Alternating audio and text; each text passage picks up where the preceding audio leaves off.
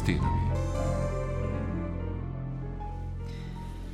Kako ohraniti pozitivno družinsko življenje, ko se v družino rodi otrok s posebnimi potrebami, ko se staršem zruši svet in s tem načrti za otrokovo prihodnost? Kako poskrbeti za sorojence, da ne ostajajo zapostavljeni ob skrbi staršev za takšnega otroka? Kako ohraniti dober partnerski odnos in preprečiti izgorelost staršev, otroku pa omogočiti brezskrbno otroštvo kljub drugačnosti? Gostja oddaje med štirimi stenami bo mama otroka s posebnimi potrebami in vodja osebne asistence pri Zvezi Sonček Violeta Suhodolnik, ki bo skozi svojo osebno izkušnjo osvetlila stanje, v katerem se čez noč znajdejo starši otrok s posebnimi potrebami. Pred mikrofonjo je povabila Petra Medved. Spoštovane poslušalke, cenjeni poslušalci, lepo pozdravljeni. Naša današnja gostja je gospa Violeta Suhadolnik, mama hčerke, ki ima težko obliko cerebralne paralize. Dobr dan želim. Dobr dan. Gospa Violeta Suhadolnik, ko se je vaša hčerka rodila, najprej niste vedeli, da je z njo nekaj narobe. Uh, no, ko se je moja hčerka rodila, uh, Res je, da uh, nismo uh, imeli diagnoze, ko se je rodila, da je nekaj narobe, ampak že v porodnišnici sem jaz nekako slutila, da nekaj ni z njo v redu, ker sem imela prej uh, sina uh, štiri leta predtem rodila in vse in je bilo z njemu uh, vse v redu. Uh, v porodnišnici pa sem rekla, da pač hčerka uh, preveč spi, da ne zna se sad in tako dalje. Uh, vendar uh, so rekli, da je z njo vse v redu. Um, in kar nekaj časa je trajala, da smo prišli do uh, zdravnikov, ki so nam povedali, da je res nekaj narobe. V tistem času uh, nekako je bilo zdravstvo uh, razdeljeno na preventivo in kurativo in če je bil otrok čisto zdrav, ga niso pač napotili k uh, zdravnikom, bom rekla. Um, Tistim, ki so že dalj časa uh, delali uh, na tem področju, tako da pač, ko smo hodili v zdravstveni dom, je vedno zdravnik rekel, vse je v redu, vse je nič ne zaostaja, vse je vse tako, kot mora biti. Ko pa smo le nekaj mesecev rekli, da nekaj ni v redu in dobilo, dobili pač napotnico za v bolnico, kjer je bila takrat razvojna ambulanta, uh, smo dejansko prišli do pač. Uh, tega, da so nam povedali, kaj je z hčerjo. Ne. Torej, kar nekaj mesecev trajalo. Ja, kar nekaj mesecev je trajalo, tako da nekako pri šestih mesecih njene starosti, uh, sedmih mesecih uh, smo dobili to uh, napotnico. Uh, ravno takrat je bila tudi vojna v Sloveniji, mož je bil. Uh, Na terenu bom rekla, uh, pač uh, vključen v te uh, dejavnosti, uh, vojaške, obrambne. Uh, s hčerko sem šla sama v bolnico in uh, pač, ko prideš do zdravnika, ki ti pove, uh, da je s hčerko pač, da ima najhujšo obliko cerebralne uh, paralize in se ti sesuje svet. Uh, pripeleš, tako rekoč, bom rekla, sicer zdravega otroka, misliš, da upaš, bom rekla, eh, da ti bo zdravnik rekel, da res ni nič narobe, tako kot so mi že prej nekaj mesecev zatrjevali v zdravstvenem domu. Vendar, ko mi je zdravnica rekla, da pač je to težka oblika cerebralne paralize in uh, je najbolj, da hčerko dam v zavod in pozabim na njo, ne veš, kako bi naprej, res ne. Pa vendarle, soočiti se mogli z dejstvom, da bo taja zavedno ostala otrok s posebnimi potrebami. Kakšne stiske ste doživljali? Uh, v prvi vrsti se pravim, se ti sesuje svet, uh, sploh ne veš, kaj se dogaja. Uh, nekaj tednov sploh, mislim, se zapreš sam vase, ne veš, kaj bi povedal, kaj sploh je to. Uh, potem, recimo, da sem po parih dneh imela možnost, da sem to pač uh, možu povedala, ko je prišel z terena. Uh, ne veš, ne veš, kaj bi naredil. Ne? Pač, uh, imaš diagnozo, nekaj najhujšega, kar se ti lahko zgodi, vendar treba je živeti naprej. Ne? Vsak starš nekako podzavestno načrtuje tudi prihodnost za svojega otroka. Kakšen šok je bil to za vas, kakšen šok je za druge starše? Uh, ja, uh, to, to je zelo, zelo velik šok. To je stiska, ki zdaj, če nazaj gledam, moram reči, da, da sploh ne vem, kako sem to preživela. No. Uh, k sami sreči moram reči, da sem imela okoli sebe družinske člane, ki so me podpirali, sploh uh, mož, uh, da sva se lahko usedla, da sva se pogovorila, da sva en drugemu zaupala stiske, ki jih imava uh, in pač rekla. Uh, gremo naprej, pač uh, našega življenja ni konec. Ne. Ta prihodnost takšnega otroka je zelo drugačna. Ne vem, kako bi rekla prihodnost takega otroka, kakšna je, vendar takrat um, o, o tem sploh nismo razmišljali. Uh, samo re, rečeno je bilo strani zdravnikov, uh, ja, dejte čim več terapij. Uh, in pač misliš, da ko boš eh, več terapij dal otroku, da boš hodil od enega do drugega terapeuta, da se bo zgodil čudež in da bo tvoj otrok uh, v redu. Pa temu ni bilo tako. Ne. Pač uh, ni čarobne palce, ki bi pač uh, spremenila uh, to poškodbo, ki pač je nastala najverjetneje v porodu. Lahko poveste malo o cerebralni paralizi? Rekli ste, vaša hčerka ima najhujšo stopnjo. Je več stopenj? Uh, več stopenj je cerebralne paralize in kot je bilo pač že uh, se strani zdravnikov napovedano, je to najtežja oblika cerebralne paralize. Uh, hčerka je na invalidskem vozičku, uh, ne govori, uh, pač ima plenične predloge, uh, mi jo hranimo. Uh, pač, uh, Zaenkrat moram reči, da je pa to tako, da je to za nas čist nekaj normalnega, zato težko govorim, kakšne so te stopnje. Uh, vsak uh, misli, da ima najtežjo obliko, ampak potem, ko priješ z drugimi starši skupaj, ugotoviš, da um, ni tako, no? da kljub temu, da ti reče, da je to najtežja oblika cerebralne paralize, če se sprijazniš s tem, če to sprejmeš, uh, lahko živiš brez teh uh, pač stopenj ki jih zdravniki zelo veliko pač, uh, omenjajo. omenjajo.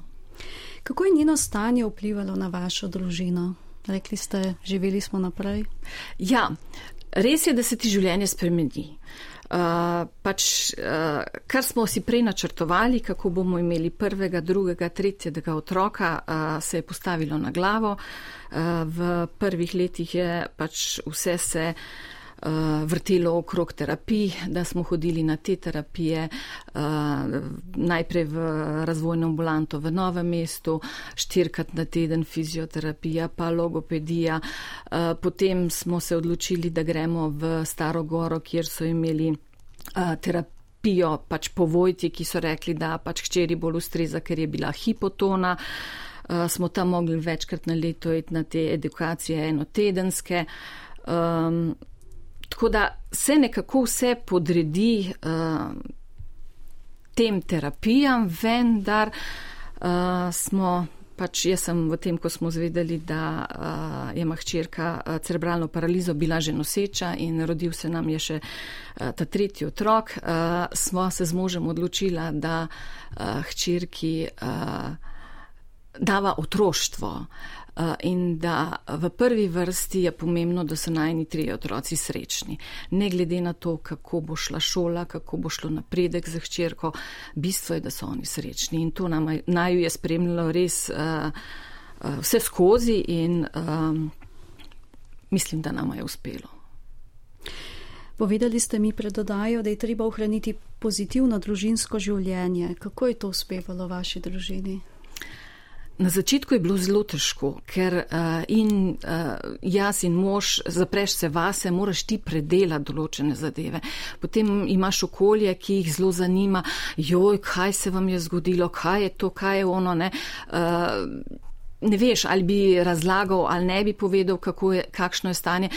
Dokler nismo prišli do tega, da moramo en drugemu zaupati, da moramo odločitve vse sprijemati skupaj in da moramo delati za dobro naše družine. Eh, in da pač hčerka uh, je del družine. Uh, in uh, smo šli v to smer nekako, da smo si v prvi vrsti mal razdelila vloge, da je uh, mož recimo starejšega sina mal s uh, sabo vzel, ko smo ravno gradili hišo, da mu je pomagal, pa da sta bila skupaj v popovdanskem času, seveda dopovdne so bili v uh, vrtu in v šoli. Uh, Jaz sem bolj prevzela skrb za tajo, vendar sva nekako vedno skupaj se podpirala, kadar je bilo treba k zdravniku, k specialistom, ki smo hodili, uh, smo, uh, smo šli kot družina tudi skupaj. Uh, nobenega od otrok nisva zapostavljala in tudi pač od malega sva ima sinovama povedala, da je pač hčerka drugačna, da potrebuje, dru, pač, da ima druge potrebe, uh, vendar sta jo tudi uh, sinova zelo dobro sprejemala. Moram, iz, da, moram reči, da smo imeli zelo dobro razdeljene vloge tudi uh, z sinovama. Ta starejši je bil tisti, ki je bil nekako bolj ljubeč uh, in jo je zastopal hčerko, ta mlajši, ker je bil pa mlajši od nje, je pa meje postavljal. Ne. Tako da. Uh, so si kar razdelili tudi ona dva vloge. Gospa Violeta Suhadolnik, glede na to, da delate tudi starši otrok s posebnimi potrebami, kaj pa opažate pri drugih starših? So sorojenci zapostavljeni? Eh, težko je reči, ali so sorojenci zapostavljeni ali ne, ker vsaka družina ima svoj uh, tempo, živi na svoj način. Uh, opažamo pa, da bi bilo dobro, da se se sorojenci veliko več dela. Da pač sorojenci morajo biti ravno tako kot starši seznanjeni, da je v družino prišla ena pač uh, druga, kako bi rekla. Uh, da pač je nekaj drugačne, kot je bilo predtem, eh, da tudi oni začutijo stiske staršev in če se jim to prikriva, otroci pač eh, zadržujejo v sebi in oni eh, doživljajo določene stiske, ki pa jim ostanejo. Ne? Tako da ja, začeli smo v društvih tudi z tem, da delamo s sorojenci, da imajo oni možnost, da uh, delajo tudi uh, drugače, torej tudi, da živijo sami za sebe, ne da so oni vedno na uh, drugem mestu v družini. Kako takemu otroku zagotoviti brezkrbno, varno in ljubeče otroštvo, temu otroku s posebnimi potrebami in kasneje tudi to podporo, da razvije tiste sposobnosti, ki jih glede na svoje stanje lahko razvije? Uh, v naši družini smo vedno izhajali iz tega, da so vsi uh, otroci uh, enakovredni, da so vsi dobili uh, dovolj ljubezni in da so vsi imeli zadovoljene potrebe, ki so jih imeli, so imeli pa zelo, zelo različne. Uh, tako da uh, to, da je se z hčerko več delalo, ni pomenilo, da sta ostala dva uh, otroka zapostavljena, ampak ona dva sta dobila nekaj drugega kot hčerka. Drugače pa smo želeli uh, pač uh, vsem nuditi res tisto, kar potrebujejo, ne, ne tisto, kar sva midva mislila, da je dobro za hčerko in potem, da sta ona dva na drugem mestu. Je ta je obiskovala tudi vrtec? Ja, to je bilo zelo lepo obdobje njenega življenja, otroštvo. Omogočili smo ji, da gre v vrtec, kljub temu, da je pač zdravnica rekla, da bi bilo dobro, da gre v zavod, da bo za njo najbolj tam poskrbljeno, pa smo se zmorem odločila, da pač je le družina tista, ki nudi uh, varno in srečno otroštvo. Tako da smo jo upisali v vrtec, v, uh, hodila je sicer v razvojni oddelek, ampak smo si prizadevali, da je ta razvojni oddelek bil na sredini rednega vrca in uh, ta je bila vključena v vse dejavnosti, ki so bile v vrcu in uh, vsi otroci so jo zelo, zelo dobro poznali. Kaj pa šola? Uh, z šolo smo pa imeli kar nekaj uh, težav. Uh, z možem sva se odločila, da jo upišava v osnovno šolo.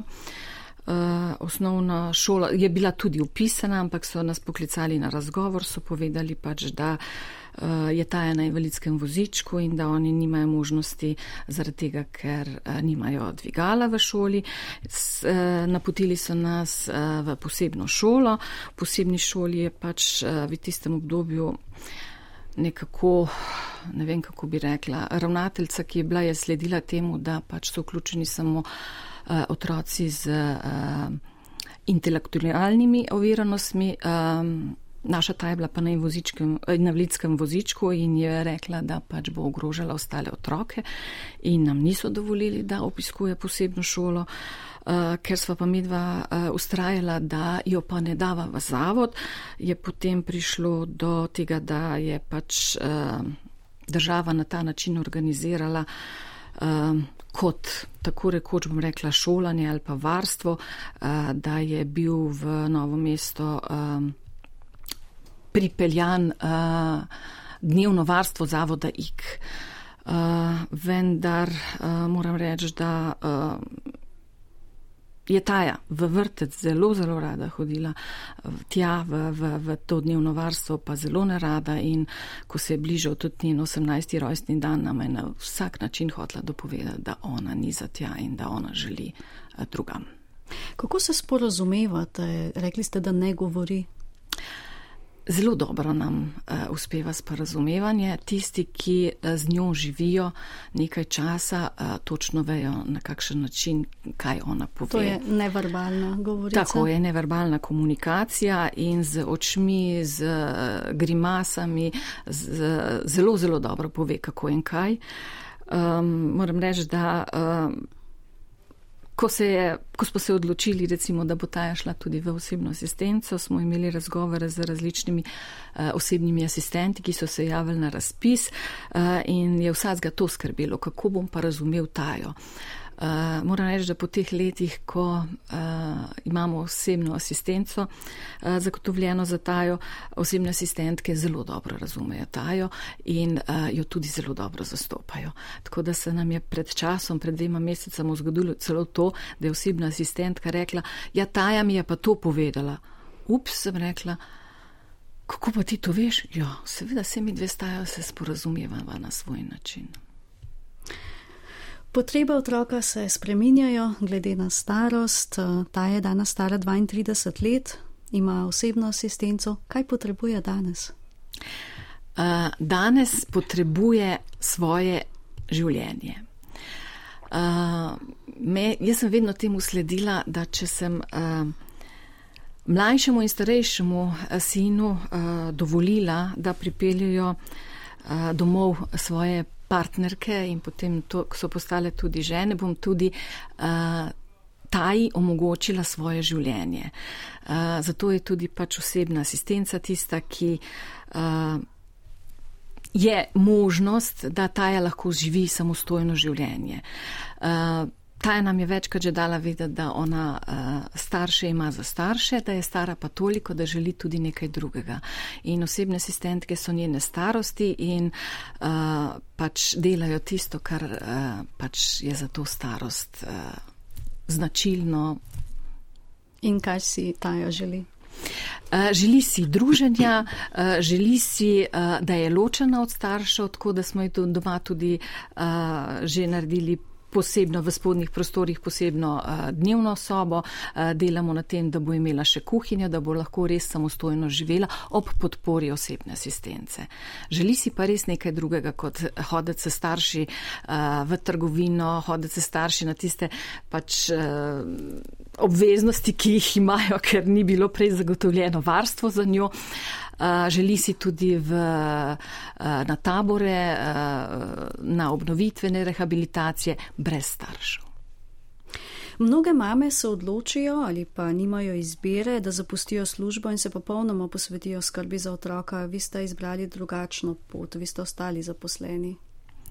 Ja, uh, jaz moram reči, da. Ko je bila pač eh, ta eno leto stara, sem bila še vedno na porodniškem uh, dopustu z uh, tretjim sinom, se mi je zdelo, da bom doma kar ponorela, če ne bom šla v družbo. Ker uh, dogaja se mamam to, da pač večinoma so, smo to mame, ki pač uh, hodimo na te terapije, spremljamo otroka in se tudi same privadimo uh, za določene terapije, kako in kaj, da res poskrbimo, da bo za otroka res maksimalno poskrbljeno, oziroma da dobi tisto, kar potrebuje. Uh, vendar sem ugotovila, da um, sem preveč postala uh, medicinska sestra. Uh, in sem želela, da hčera ima mamo, ne pa uh, zdravstveni kader okoli sebe. Zato sem rekla, da želim, da grem tudi jaz v družbo. Uh, tudi, tudi govoriti nehaš, pač že čistko, ne znaš se pogovarjati z drugimi, vse ti gre na otroško, pa naštudiraš vse uh, diagnoze in vse skup. Uh, to za me ni bilo življenje. Ne. Zato sem rekla, jaz želim v službo, um, želim nekaj narediti tudi zase, ker če bom zase naredila, bom lahko veliko bolj poskrbela tudi za tajo. Kaj se zgodi, ko otrok s posebnimi potrebami odraste? Kako nemočno se počutijo starši, če se njihov odrasli otrok odloči, da ne bo več živel doma, da izbere morda življenje v bivalni skupnosti, uh, seveda s podporo? Uh, vi pravite, te osebe morajo imeti možnost izbire, glede na to, koliko zmorejo, ali živijo doma ali pa živijo v bivalni skupnosti. Uh, ja, um, starši moram reči, da uh, celotno otroštvo in mladost uh, delajo za svoje otroke in potem odrasle otroke in je to ena taka naveza, ki je težko uh, prekiniti. Uh, in uh, sploh mi mame smo tiste, ki mislimo, da najbolj vemo, kaj je dobro za otroka, kar pa ni res. Uh, in uh, dobro je, da uh, naši odrasli otroci uh, počasi se osamosvajajo, ne glede na to, kakšne oviranosti imajo. Uh, Eh, da zaživijo svoje življenje, da smo mi starši v ozadju, da smo nekako en nadzor, da se jim res ne bo karkoli zgodilo v življenju, vendar da jim dopuščamo tudi eh, lastne izkušnje življenja in da imajo oni možnost tudi, da karkoli narobe naredijo. Gospa Violeta Suhadolnik, podporno okolje pa je za starše zelo pomembno, tudi to opažate na vaših srečanjih starši. Mnogi starši so zaradi skrbi za težko invalidnega otroka tudi na robu izgorelosti. Kako naj poskrbijo zase? Uh, ja, jaz sem zelo dejavna tudi v Društvu za cerebralno paralizo uh, Dolenskim Bele krajine Sonček. Uh, z temi vsemi izkušnjami, ki sem jih dala skozi, sem prišla nekako do. Uh, enega uvida, da lahko tudi sama prispevam pri tem, da staršem pač nudimo določene informacije, da jim povemo izkušnje, kako in kaj. Seveda je vse od staršev odvisno, kaj bodo vzeli, ampak. Uh, Lahko pa smo mi tisti, ki jih tudi uh, osveščamo, kaj in kako je. Večinoma vsi starši gremo čez ene in iste zadeve in se rekla, če je možno, da jim vsaj kakšen milimeter te poti, te hude trnove poti uh, prizanesemo, je v redu. V društvih. Uh, organiziramo različne dejavnosti za starše. Eh, pogovorne ure so zelo, zelo koristne, kjer starši pridejo skupaj, izmenjujejo izkušnje in ne nazadnje tudi vidijo, da mogoče pa niso oni tisti, ki imajo najhujšo situacijo.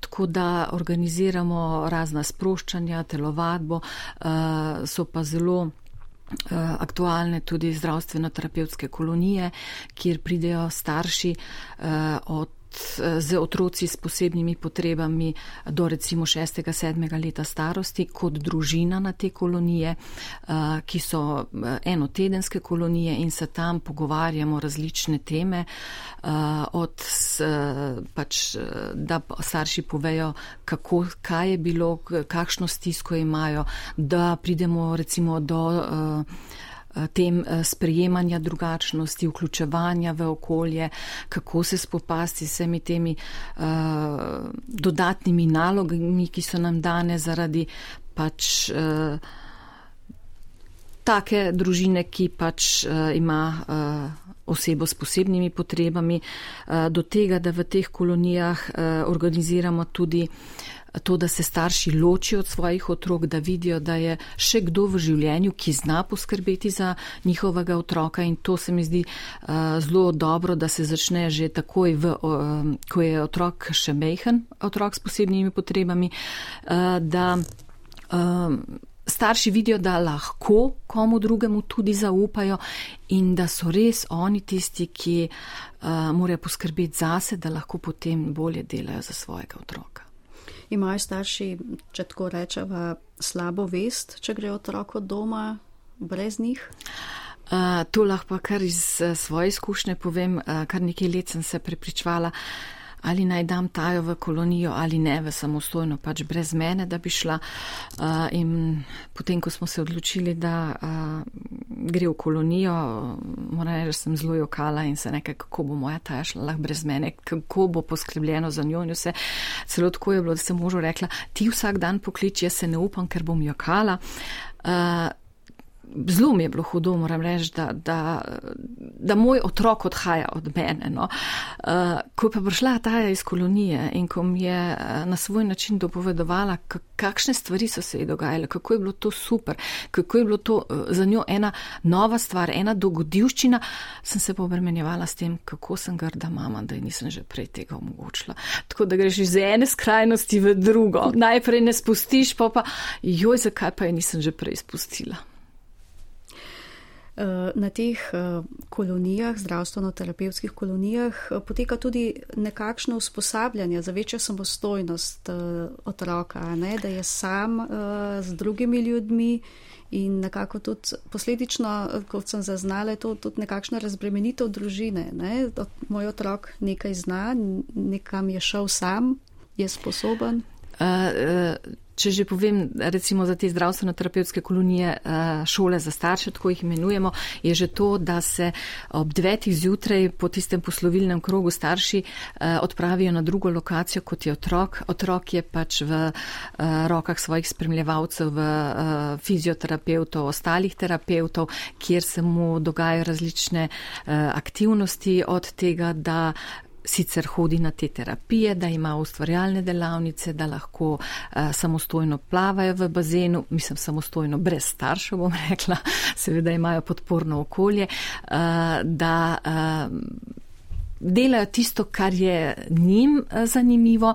Eh, starši so pa ločeni, tako da jih tudi ne slišijo, eh, ker v prvih parih dneh se zgodi, da pač in mame lahko jokajo, ko pustijo otroke same in, star, in otroci sami, ampak na koncu.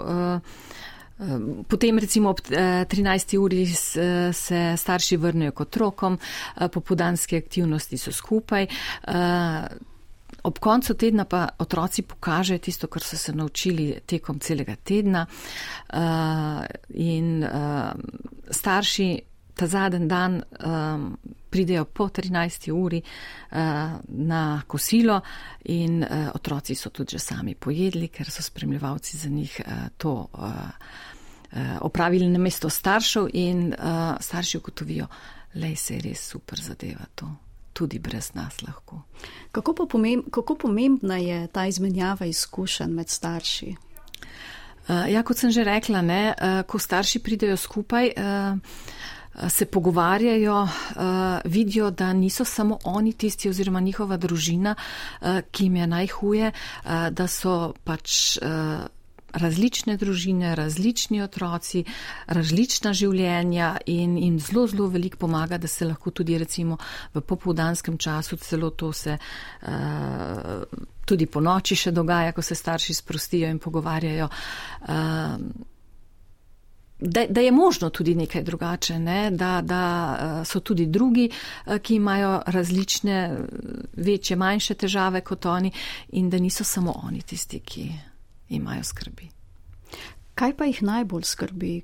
Kaj najbolj skrbi starša, ki ima otroka s posebnimi potrebami, naprimer s cerebralno paralizo? V prvi fazi, ko se otrok rodi in potem recimo v otroštvu, uh, ker uh, pač zdravniki tudi zelo veliko govorijo in tudi ostal uh, zdravstveni kadar od Eh, fizioterapeutov, delovnih terapeutov, logopedov.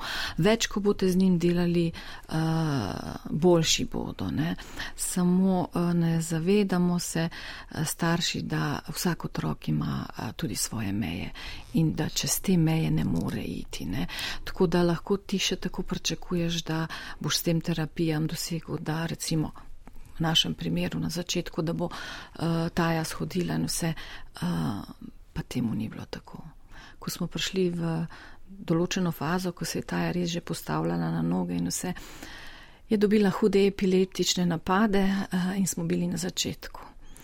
Uh, tako da se ti sopet sesuje vse skupaj, ne, aha, zdaj bo pa shodila prvi koraki, vendar smo bili na popolni nuli pri štirih letih. Tako da jaz pravim staršem, Ne glede na to, kaj je, to je vaš otrok, dajte mu srečno otroštvo, dajte mu možnost, da se vključuje v okolje, da ga čim več ljudi pozna. Uh, prišel bo pa do tistega, kar bo sam zmogel. Kako pa je s prejemanjem teh otrok v družbi? Kakšne izkušnje imate? Um, pa potem odraslih. Za enkrat moram reči, kot naša družina smo imeli v uh, tajnem otroštvu zelo, zelo dobre izkušnje. Ta je bila vključena v vrtec, um, kjer so jo otroci zelo dobro sprejeli, uh, kjer nismo imeli problemov z nobenim sprejemanjem. Celo to se nam je zgodilo, uh, ker smo pač živeli v tistem okolišu, kjer je bil tudi vrtec, uh, da so. Eh, ta je bila že na invalidskem vozičku, da so otroci prišli domov, potrkali na vrata in rekli, teta, a lahko gre taja z nam ven. Mislim, meni je bilo takrat tako nekaj lepega to. Uh, tako da otroci sprejemajo tudi otroke uh, z različnostmi uh, in nimajo nobenih uh, predsotkov pred njimi. Problem so odrasli, ker zgodilo se je potem pa v vrtu to, da so se otroci ko smo odhajali iz vrca, uh, uh, poslavljali iz vrca in so se ti ostali otroci hoteli pohvaliti pred svojimi starši, jo jaz sem pa danes taji pomagal, pa recimo sem to pa to in naredil, uh, so starši rekli, te pod tih, to se pa ne govori. Tako da pri nas odraslih so zavore. Ne? Jaz mislim zato, da je nujno potrebno, da naši uh, pač. Uh, otroci živijo z uh, vrstniki skupaj in da jih od malega poznajo in so na ta način vključeni v družbo. Pri zvezi Sonček eh, zdaj boste začeli izvajati tudi te zdravstveno-terapevtske kolonije. Eh, vabite tudi prostovoljce, da vam pomagajo, da spoznajo te ljudi. Ja, že nekaj časa imamo pač tudi uh, objavljeno uh, ta razpis za uh, kolonije, za tabore, ki jih organiziramo uh, in uh, zelo, zelo dobrodošli so spremljevalci, prostovoljci, ki uh, se vključijo v ali obnovitveno rehabilitacijo, kjer eno en teden preživijo uh, z uh, odraslimi osebami s posebnimi potrebami ali v uh, počitnice za odrasle ali počitnice za otroke, kjer so z mlajšimi otroci vključeni uh, in so zelo, zelo dobrodošli in tudi naši. Uporabniki, tako rečem, za uh, naše člane in te, ki so vključeni v uh, varstvene delovne centre, uh, si želijo njihove družbe. Uh, potrebujejo njihovo podporo, njihovo pomoč, ob enem pa druženje in to je zelo pomembno. Tako da uh, vabim vse, uh, ki se želijo uh, pač kot prostovoljci ali pa spremljevalci vključiti naše tabore, da pogledajo na spletno stran Zveze Sonček. Še vedno zbiramo prijave, uh, da se prijavijo in uh, poskusijo tudi na ta način pripomoč našim članom. Gospa Violeta Suhadolnik, najlepša hvala, ker ste z nami delili svojo zgodbo in za obisk v studiu prvega. Hvala vam za povabilo. Spoštovane poslušalke, cenjeni poslušalci, gostja oddaje med štirimi stenami je bila gospa Violeta Suhadolnik, mama hčerke s cerebralno paralizo in vodja osebne asistence pri Zvezi Sonček. Oddajo sem pripravila in vodila Petra Medved. Lep in uspešen dan vam želimo.